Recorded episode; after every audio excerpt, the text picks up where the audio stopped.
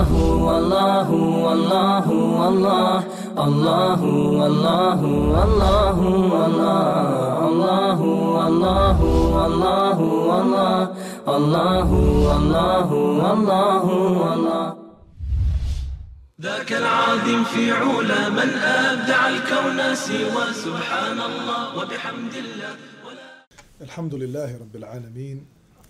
والصلاة والسلام على رسولنا محمد وعلى آله وصحبه أجمعين اللهم رب اشرح لي صدري ويسر لي أمري واحلل عقدة من لساني يفقه قولي بعد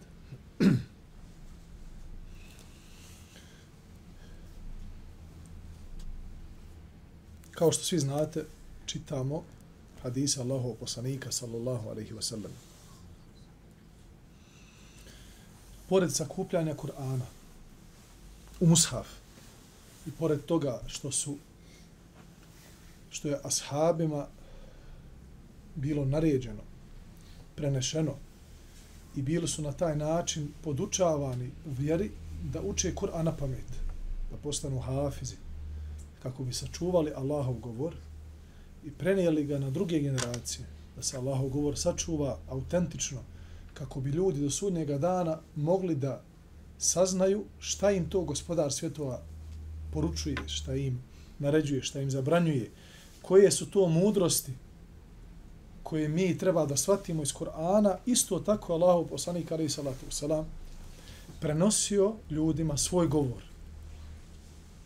I u hadisu od Ibnu Mesuda u kom u predaju od Ibnu Mesuda u kojoj pita Allahu poslanika sallallahu alejhi ve sellem Allahu poslanice da li da pišem od tebe znači on je zapisivao imao je zapisnik da li da pišem od tebe i onda kada si ono raspoložen e, da kažemo kad govoriš ono neke savjete raspoložen i kada si ljut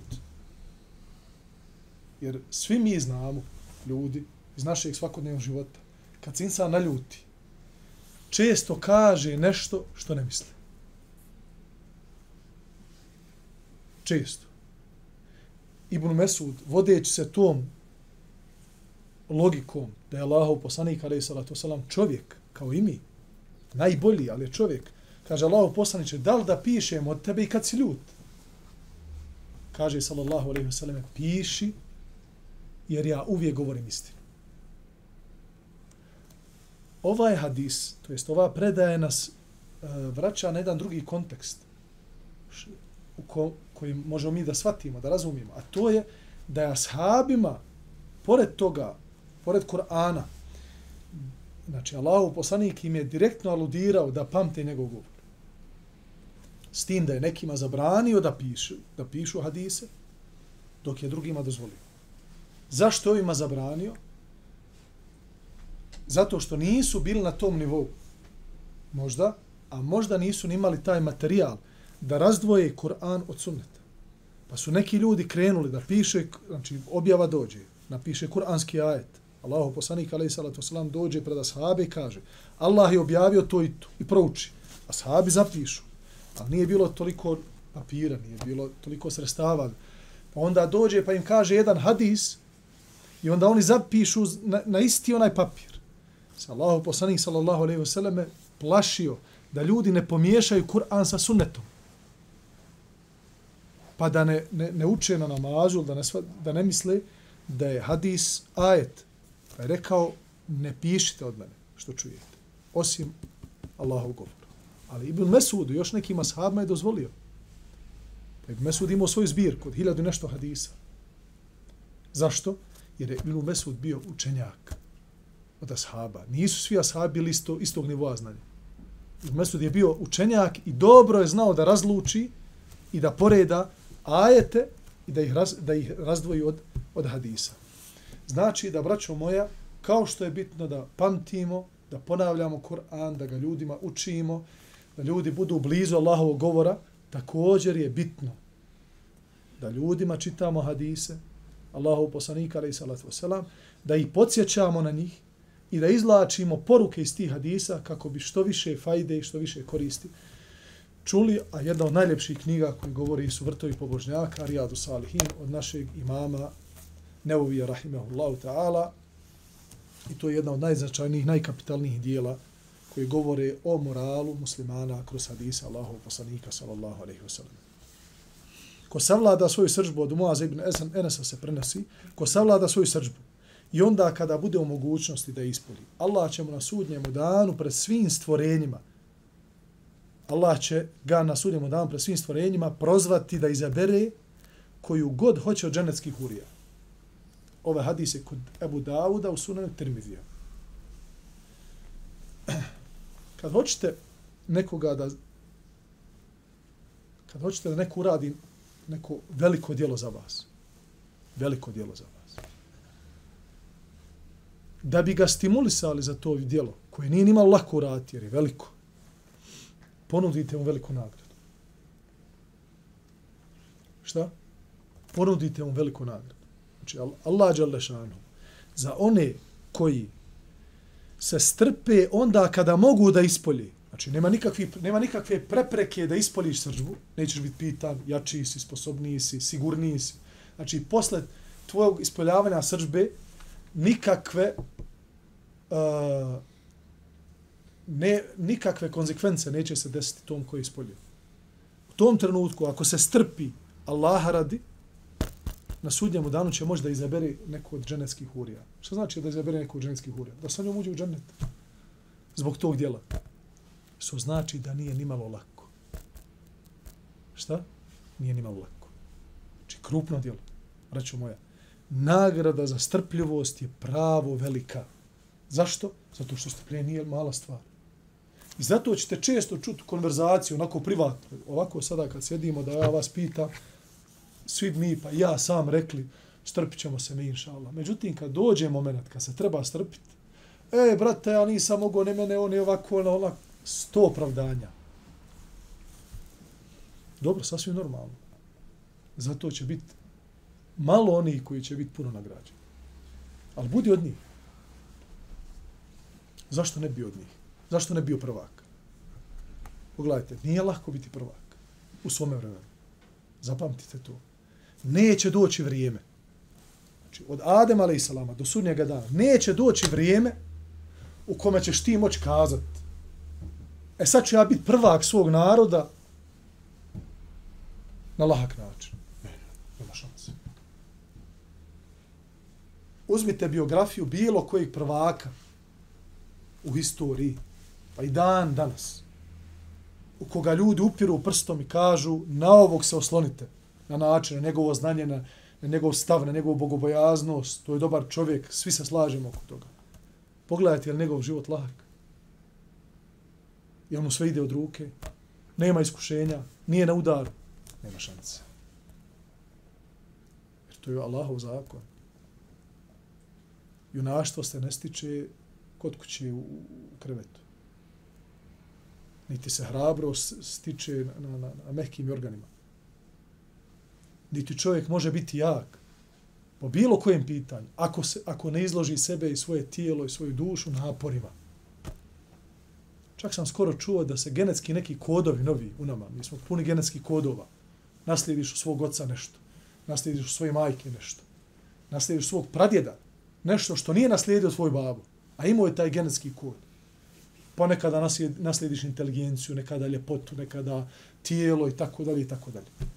Kaže, neki novi genetski kodovi se mogu u nama, nauka dokazala, da otvore novi. Ali kaže, samo eksplicitnim teškim uslovima onaj. Kad si izložen opasnosti po, po život, e, ekstremni uslovi života i tako. Kaže, otvaraju se novi genetski kodovi koji će se kasnije prenijeti na novi generacije. Ali nikada nećete čuti da je nekom je lagodno sve jede, pije mekano, nekoga masira s leđa i otvorio se jedan genetski kod. Aha. Samo se može zatvoriti onaj stari. Allahu musta. Jesmo se razmazili. Vazda kad o tome govorim, naumpadne mi jedna džamija u istočnoj Bosni, jedne zime otišao da držim predavanje, hajmo na ikindiju namaz. I nema podnog grijanja A toliko je hladno bilo. Znači, minus udarili. Allah mi, malo je falilo da koroda klanja. Znači, na jednoj nozi. Ja sam se malo ono, kod cupko, da, da ne bude baš ekstremno, ne mogu, ne, nevjerovatno. Bilo su neke tanje čarape na meni smrzuo sam se za, za, dok sam bio u džami ti 15 minuta ko nikad životno. Dobro pamtim to. I onda izađem, kažem, jesnost, ovaj sarajevski međlis razmazio, ma podno grijanje, gdje god dođem. Allah vam. Dobro.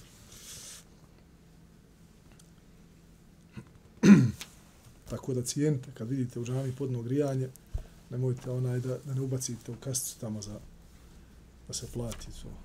Evo i ovo da nešto osjeti neku toplotu. Dobro. Poslanik sallallahu alaihi wa sallam jednom ashabu kaže, od Ebu Hureyre se prenosi, a hadis je kod Buharija, rahimahullah, kaže mu ovaj ashab, poznati hadis, samo hoću da vam, da vam nešto onaj poručim. Kaže, Allaho poslaniće, poruči mi nešto. Daj mi neki savjet. Kaže mu, ne ljuti se. Sad ovaj ashab, ono, prelagan, ok, dobro, sad ću ja to zapamtiti, nije mi teško bilo, daj mi, kaže još nešto, kaže, nemoj se ljutiti. Može li još kakav savjet? Nemoj se, kaže, ljutiti. Allahu poslanik, ali salatu wasalam, vidno, I poznavao je ovog čovjeka. Poznavao je njegov karakter, njegove osobine. I dao mu je ono što mu fali.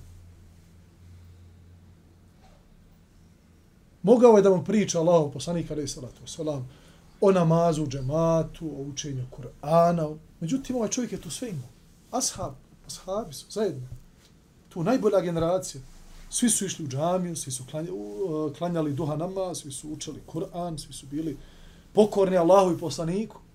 Međutim, ovom čovjeku je falilo nešto. Pa ako vam neko priđe i spomene vam nešto što vama fali, a, on je, braćo moja, u tom momentu na uputi Allahov poslanike, jer je Allahov poslanik tako postupao. Nemojte to shvatati kao napad.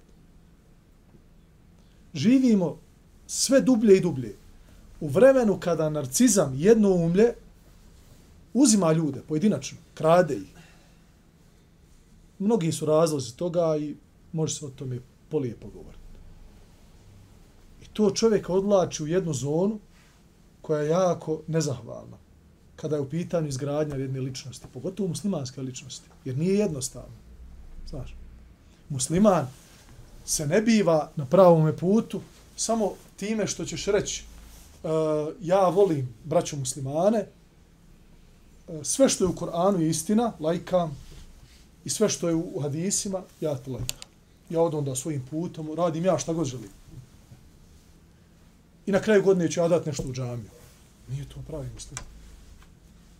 Znači, prava ličnost muslimanska ima svoje kodekse, ima svoje ponašanje, ima, ima svoju rutinu, ima svoj karakter, ima svoj ahlak, svoje vjerovanje ima čistoću srca, širokogrudnost, da pazi na jezik, da pazi na udove. Da... Nije jednostavno izgraditi se. Slast je u tome čovjek kad se izgradi, onda vidi koja je slast toga i, i koliko je Allah dao svoje milosti muslimanima eh, koji se izgrade na tom polju. Tako. Međutim, nije lahak put.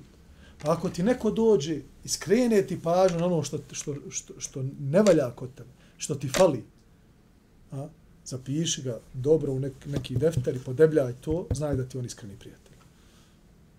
Naravno, pod uvije da to ne bude pred drugim ljudima, da ne bude sramota. I sramoćenje.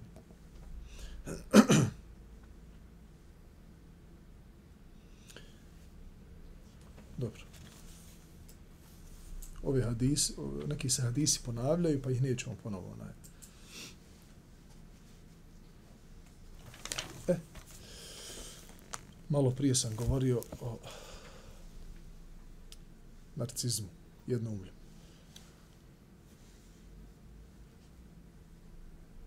Kaže, sallallahu alaihi wasallam,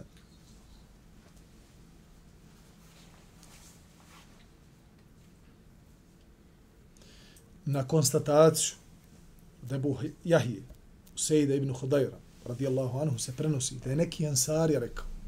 Ansarije su radi onih koji slušaju, možda koji će po prvi put ovo čuti.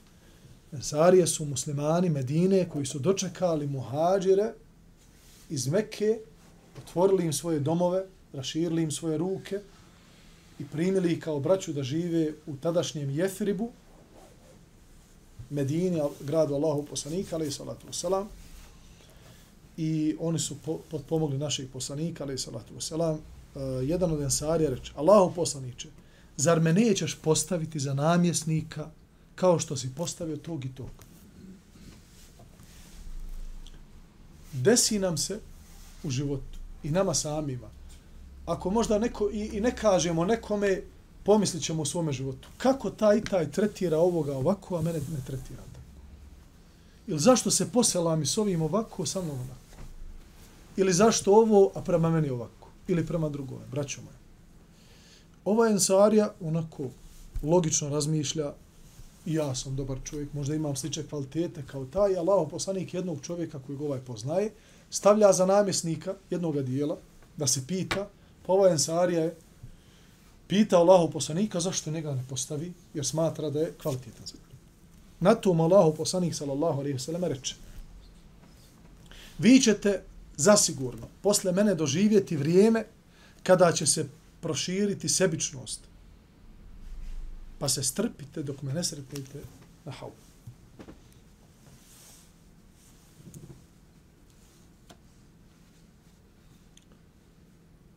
Dođe brat i pustite u prvi saf. Kaže, veliko dušan prema tebi. Nema tu velikodušnosti ne puštaš nikoga u prvi saf. Znači, ti si u drugom safu, pored tebe tvoj dobar prijatelj u drugom safu. I pravi se mjesto za jednog u prvom safu. Ne, ne okreći se ni prema kome, ne nudi nikoga, stani. Osim u jednoj samo situaciji. Kada iza imama nema hafiza Kur'ana i učenih ljudi, kako bi ga po mogućnosti ispravili u namazu ako pogriješi, i pravi se mjesto upravo iza imama a pored tebe je čovjek učen koji je hafiz Kur'ana, tada mu puštaš da uđe kako bi se ispunio sunnet Allahov poslanika, da najučeniji budu iza imama, u slučaju da imam pogriši da ga mogu ispraviti. U drugim situacijama ne obazireš se, jer je u pitanju ahiret. Međutim, nažalost, nažalost, i to treba da ispravimo, znači ako govorimo o nekim manjkavostima koje su prošire našem društvu. Ne znači da e, bacamo e, crnilo na cijelo naše društvo koje je puno hajra, alhamdulillah, i to, tome smo svjedoci iz dana u dan. Međutim, ima jedna pojava da ćeš vidjeti da čovjek pušta drugoga u prvi saf, kao nesebično, bujrom brata, a u biznisu krade od svakoga poziciju. Znači, ne možeš od njega ništa uzeti. Ne bi ti taj pustio drugog brata muslimana da zaradi, nema šanse. sebičnost i nesebičnost se ogledaju, braćo moja, u, u Dunjaluku. Što se tiče ahireta, natiči se sa rođenim djetetom da budeš bolji od njega. Koga najviše voliš. Ne puštaj nikoga. A što se Dunjaluka tiče, braćo moja, Dunjaluk, ko Dunjaluk? Najviše će se ljudi kajati na ahiretu, na sudnjemu danu, zbog svojih neispravnih poteza koji su učinili dunjalu karate. Najviše. Jer to najviše traga ostavlja.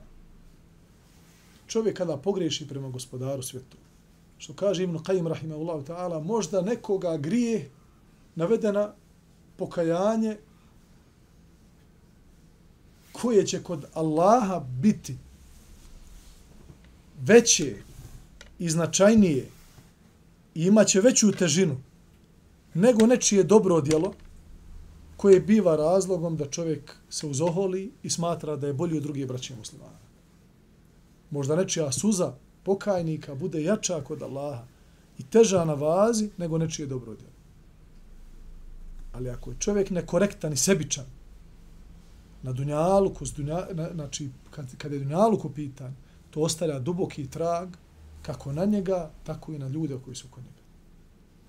Pa ćete vidjeti čovjeka koji zbog svoje sebičnosti da samo on ima, da samo on zarađuje, da samo on ostvaruje, a oko njega drugi da ostanu e, praznih ruku, vidjet ćete da ča, taj čovjek, iako će biti bogat i ugledan, da će na kraju dana sam omrknuti, neće niko htjeti sa njim da se druži. Pa čak ni rođeno dijete. Jer bo, šta je bogatstvo? Na dunjalku šta je na kraju krajeva bogatstvo? Bogatstvo je da imaš što više dobrih ljudi koji te vole. To je bogatstvo. Kada čovjek omrkne, kada se zatvori sam, četiri sajde.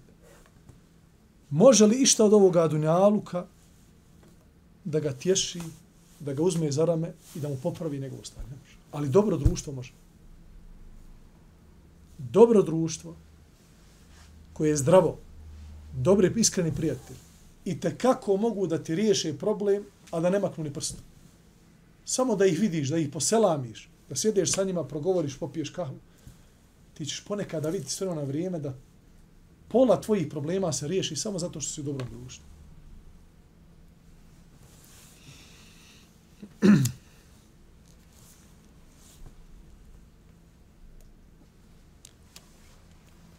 Od Ebu Ibrahima, Abdullaha ibn Ebu Eufa radijallahu anhuma prenosi se da je Allahu poslanik sallallahu alaihi wasallam u jednom od vojnih pohoda sačekao da sunce krene prema zapadu. To jest da pređe polovinu onaj, neba i onda je ustao i rekao, o ljudi, nemojte priželjkivati susret sa neprijateljem.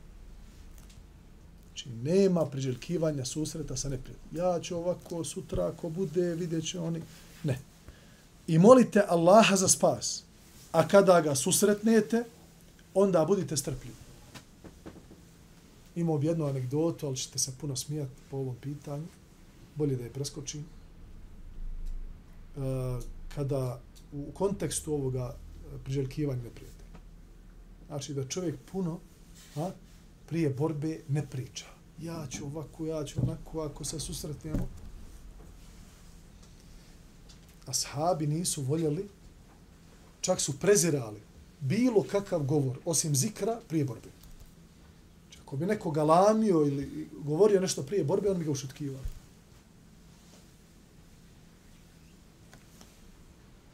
A kod nas se kaže u narodnom jeziku, onako ono, prosto, ne boj se psa koji Lao poslanik nas je upozorio, ne priželjkuj, ne prijeti, ne priča. Kada dođe, pokaže ono što znaš. Znajte da je džennet pod sjenama sablji. Zatim je vjerovjesnik rekao, Allahu, ti koji spuštaš knjigu, pokrećeš oblake, poražavaš neprijatelje, porazi ih i daje nam pobjedu nad njima. Muttefakun alim. Sallallahu alaihi wa alihi wa sallam. Ovo je bilo poglavlje o strpljivosti, braću. Rekli smo da imam Neovi, rahimehullahu ta'ala, e, svoja poglavlja stavljao na način, na odgojni način, da nas odgoji, navodio je ajete, zatim hadise i redao po poglavljima onako primarno kako, što, kako treba muslimani njihovim, njihovim životima. Poglavlje koje dolazi je sidk, istinoljubivost. Jedna jako bitna osobina. Znači, ako ne i najprimarnija u životu jednog muslimana, jeste istinoljubivost. Allah Đelešanu u tom pogledu kaže Ja ejuhel ladina amanu takullahe wa kunu ma sadiqin. O vjernici, Allaha se bojte i Allah ne kaže i budite istinoljubivi. Ne. Budite sa istinoljubivima. Šta znači to? S kim stakav si? Jednostavno rešenje za mnoge životne probleme je druži se sa istinoljubivima ako želiš da budeš poput njih. Druži se sa bogobojaznima ako želiš da budeš poput njih. Druži se sa učenima ako želiš da budeš poput njih. Ne može čovjek se družiti sa neznalicama koji ne znaju šta će o svojih života i očekiva da, da iznjedri u nekog poznatog učenjaka koji će sebe i druge upućivati na pravi put. Nemoguće. Pa kaže, šta da radim? Imam loše društvo koje sam upao već godinama. Presijeci, brate. Rekli smo na samom početku. Nikada nećete čuti da se čovjek od Allaha popeo na visoke deređe, a da taj put nije bio trnovit. Nikada nećete to čuti. Uvijek je taj put trnovit. Će neko s pravom pitat, pa dokle trnovi? Sve dok ne sretnimo našeg gospodara. A zašto je to tako? Pa zato što ovo nije kuća uživanja.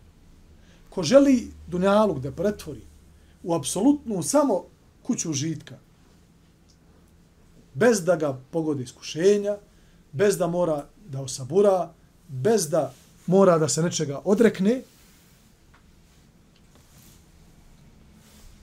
on pokušava nedostižno i razočarat će se. I njegovo razočarenje, nažalost, nema reprizu. Znate, ono, razočarao sam se, vidio sam, prošlo me, ostario sam, probao sam jednim načinom života, vala ne ide, dobro ste ono rekli.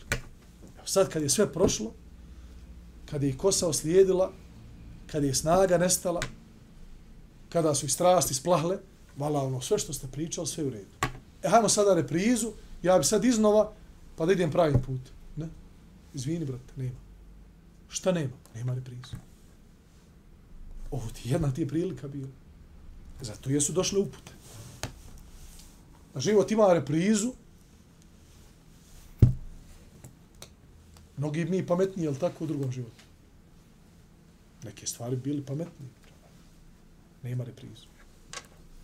Zato sada, dok nema reprize, u ovom našem životu, u ovom danu, razmislimo kako ćemo sutra.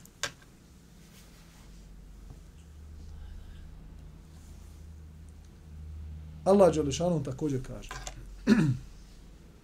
فَلَوْ صَدَقُ اللَّهَ لَكَانَ خَيْرًا لَهُمْ Bolje bi im bilo da su bili iskreni prema Allahu.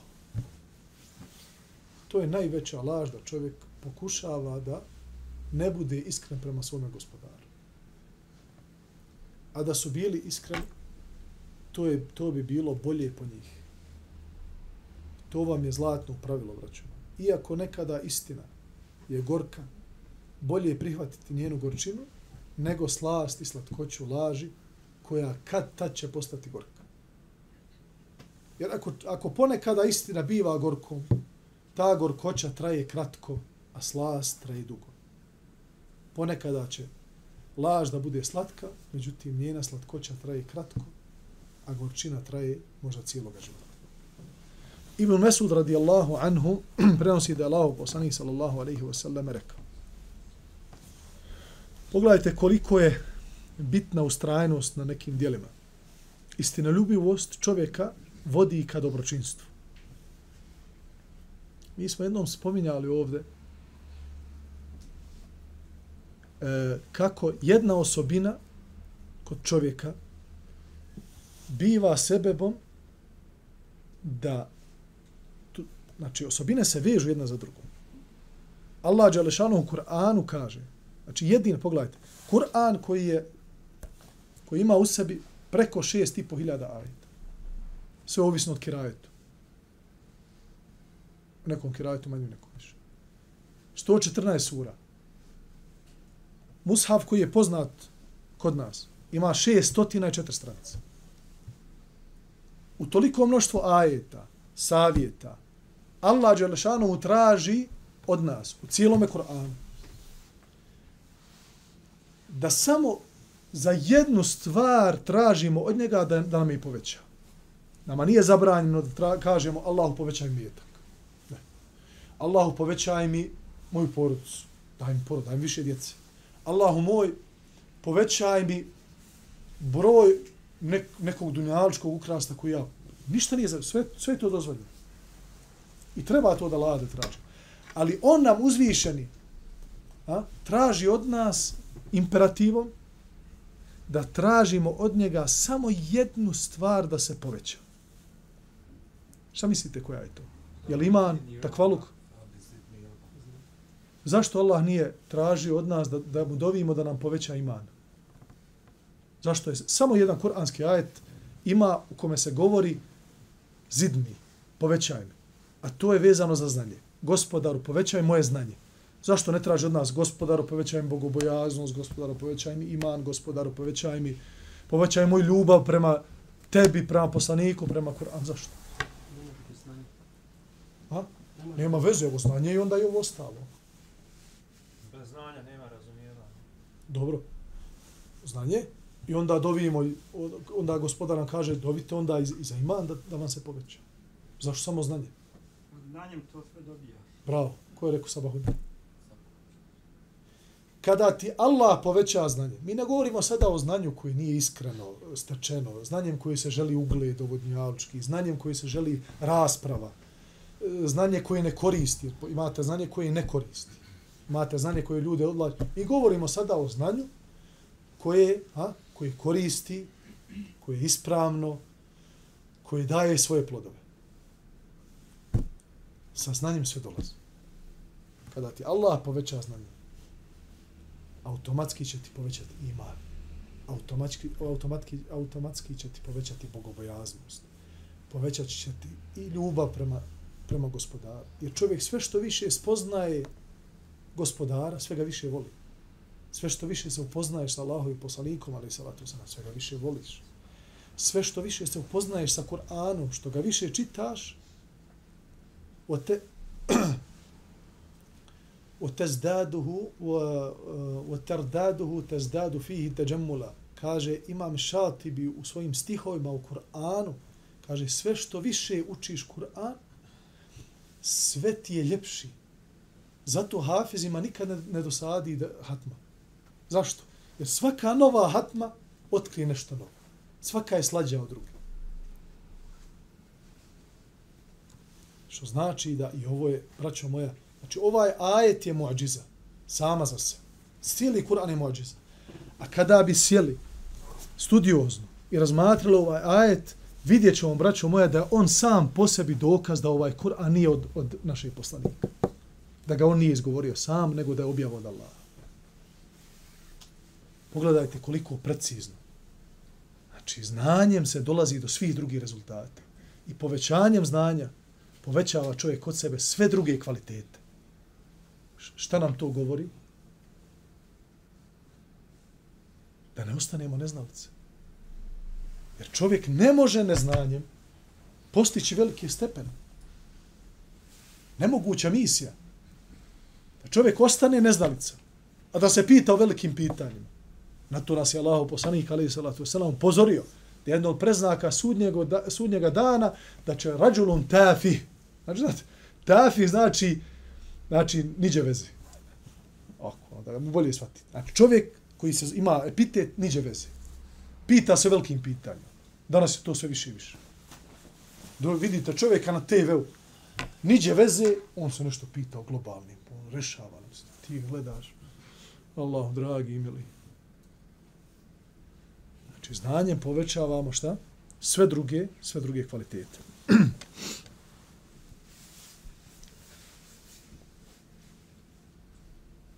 istinoljubivost čovjeka vodi ka dobročinstvu, a dobročinstvo ka džernetu. Čovjek koji bude ustrajeno govorio istinu, kod Allaha će biti upisan kao istinoljubivi.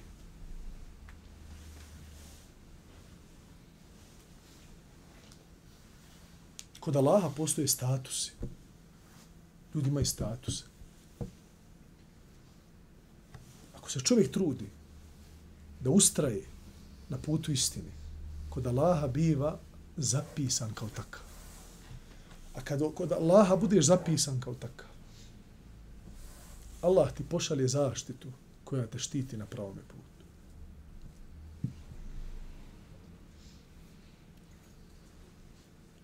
Ovo neka ide javno, pa onda neka još učeni možda se i pozabavi ovim pitanjem, možda i vas bude zanimalo A ja sam čuo od jednog dobro učenog insana jednom davno. Rekao mi je da postoji predaja o to, po tom pitanju. Ja mu vjerujem, ali nisam istražio e, naučno ovu činjenicu. Rekao mi je sljedeće. Kaže, kada jednom čovjeku potpuni svoj iman u svome životu, tog čovjeka Allah nikada neće ostaviti da skrine sa pravog puta. Znači, kada čovjek, musliman, obožavajući Allah, čineći ibadete, dobra djela, istihvarom, znanjem, učenjem, postigne potpuni iman. iman. Allah Đelešanu takvog čovjeka, što nam može da aludira, znači ova, ovaj hadis nam aludira da postoje status. Znači čovjek neprestano govori istinu sve dok kod, kod Allaha ne bude zapisan kao takav. Tvoje ime i prezime. Muhammed, a? Hasanov je istino ljubivi kod Allaha. Kaže, kada jednom čovjeku potpuni iman, Allah takvom čovjeku neće dozvoliti da skrine sa pravog puta i da ostavi taj iman nakon što ga je. Pa makar se i desilo da mu padne iman, makar se i desilo da uradi grije, makar se desilo da mu oslabi iman, ali će se uvijek vraćati. Nikad iman napustiti neće. Ovo sam davno jednom čuo od jednog šeha i to mi često nam. Zato braćo moja u svakom slučaju. Trudimo se da budemo najbolja verzija sebe. A kaže, laž čovjeka vodi ka grijehu. Čovjek sa, sa lažima a, prvo zavodi sebe, onda zavodi drugi. Allaha prevariti ne može, ali može prevariti sebe, sebi zulu načiniti, može to uraditi i drugima. I to vodi ka grijehu. A grijeh vodi ka džehennemu, što je neminovno. Čovjek koji bude neprestajno, znači koji bude ustrajao na laži, kod Allaha će biti upisan kao lažov. Vole ijadu billah.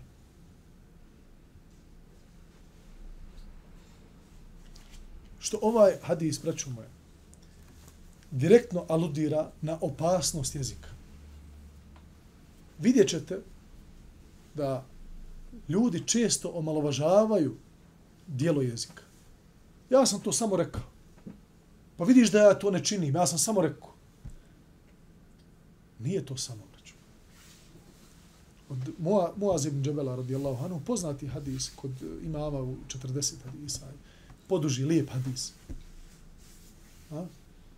Kada je Allahu poslanik, alaih salatu wasalam, ga stavio na jahalicu iza sebe, podučavao ga nekim stvarima. Govorio mu, e, savjetovo ga, učio ga i na kraju htio da mu rezimira sve što mu je rekao. Rekao mu je krupne stvari. Pokazao mu je šta je šta je namaz, šta je džihad, šta je znanje, šta vodi ka džennetu, šta vodi ka džehennemu i tako dalje. Kaže mu, sallallahu alaihi wa sallam, hoćeš da ti Muaze ovo sve rezimira u jednu riječ. Kaže, moja hoću, ti ću, neću, daj mi to sad. Znate, ono, govorio sam svašta, ali na kraju je pouka samo jedna, staće vam to u jednu riječ, pa je dobro zapamtiti. Svako će ovako da... Kaže, moja želim. Kaže, čuvaj se ovoga, pa je sallallahu alaihi vseleme, izbacio jezik vani i dotaknuo ga. Sve ono, kaže, Allaho poslaniče, pa nije valjda ćemo zbog ovoga biti pitani, jezika kaže neko nek, nešto, ogovoriš nekoga, malo nekoga uštineš s jezikom, malo pecneš nekoga, zezaš nekome, dadneš nadimak na poslu, pa ga malo od toga jedno 7-10 dana po ušima, pa ovo me neugodno, znaš, ali tebi to drago, raja se smije okolo, ma hajde, je, baš, pomognem ja njega stoju mu dadnem na kraju mjeseca. Kaže mu, sallallahu alaihi wa sallam, majka te nemala muaze, a kada Allahu poslanih, sallallahu alejhi ve selleme nekome od ashaba, kaže nešto slično, majka te nemala, ruke ti, se, ruke ti bile pune prašine i tako dalje, to je dova za ashaba, ne protiv. Znači, sallallahu alaihi ve selleme kada bi tako rekao, thekiletke umuke, ja muad, majka te nemala muaze, dovi za njega, ne protiv njega. Oma arsalnake illa rahmetan lil alamin. Kaže, zar će ljudi na glavačke biti bačeni u vatru zbog bilo čega, sem zbog onoga što su izgovorili njihovi jezici. Pa to je ključ, braćo moje. I imana i nevjerstva i, i propasti na ovome svijetu jezik.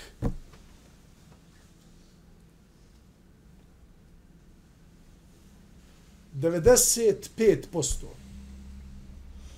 problema u kući između oca i između roditelja i djece, između supružnika, između prijatelja, između kolega na poslu, e, ljudi u prolazu, saobraćaju. 95% problema je zbog jezika. 5% problema, ja sam te nešto udario ramenom, što sam te udario? Što, pa eto, hoću da prođem, šta je? 5%. 95% šta ćeš ti? Ajde ovako, čuo sam, pričao si. Je li tako ili nije? Jeste. 90, 80% razvoda brakova je zbog jezika. Jezik. Banalan problem la yuzkar, što bi rekli Arabi. Ma sramota te da ga spomeniš. Mic po mic, jezik po jezik, rasprava po rasprava, psovka po spo, psovka, kaže, ja s tobom ne mogu više. Razvod. Šta ćemo sa djecom? Znači se. Procentualno najveći broj šeitanove vojske je su djeca rastavljenih roditelja. Procentualno. Najviše ljudi, pa džini, ne znam, ja njihov svijet ne znam, to nešto ne ulazim. Vidim u zadnje vrijeme da ima puno znalaca u džinskom svijetu. Sve znaju. Znaju šta jedu, šta piju, kako se oblače. ne znam kako to uđu u tu dimenziju. Ne ulazim u to. Ali vidim ono, baš se detaljno poznaje taj džinski svijet. Ja ga nešto ne znam, ali znam ovaj ljudski. Najviše igrača za šeitan su djeca iz rastavljenih brakova. Zato Siblis najviše obraduje čemu? šeitanu na kraju dana koji je rastavio muža ženi. Najviše se njemu obraduje. Ne obraduje se njome što je natjero nekoga da se napije. Da voda. Kaže, ja sam ih posvađao dok se nisu i nisam i napuštao se nisu rastali. Paša moj, sjedi ovdje. E, kaže, u ovoga se ugledajte. Iblis kaže drugim šeitanima da se na njega ugledaju. Pogledajte ovo.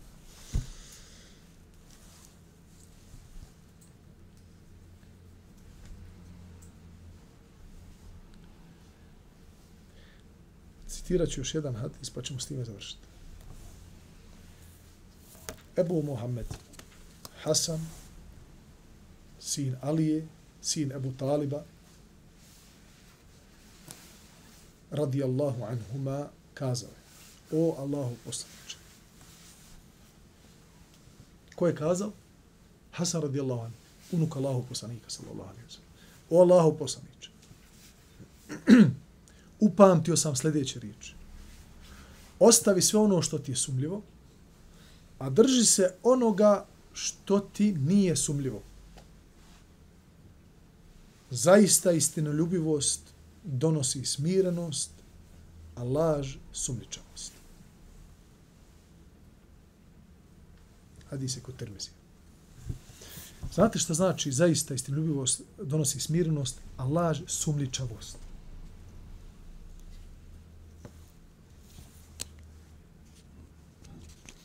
kad vam dođe čovjek kažemo ovu rečenicu, Kažemo ovu rečenicu, svi ljudi su lopavi. A? Znajte da on krade. On, odmah ga osudite da, da je nešto kruo. Kada vam dođe čovjek i kaže svi su se ljudi pokvarili, on se pokvario. Imamo hadis, na to, nije nam to tema, sada ima hadis koji govori o tome, eksplicitno, vjerodostojan, ali hoću da kažem da kada čovjek po nekome pitanju a, baca ljagu na druge i sumniči na njih, znajte da je on u osnovi takav. Zato sumniči druge. Zato ćete često vidjeti vjernika da je lako mislen. Dobar vjernik, lako mislen. Jer konta da svi ljudi kao on.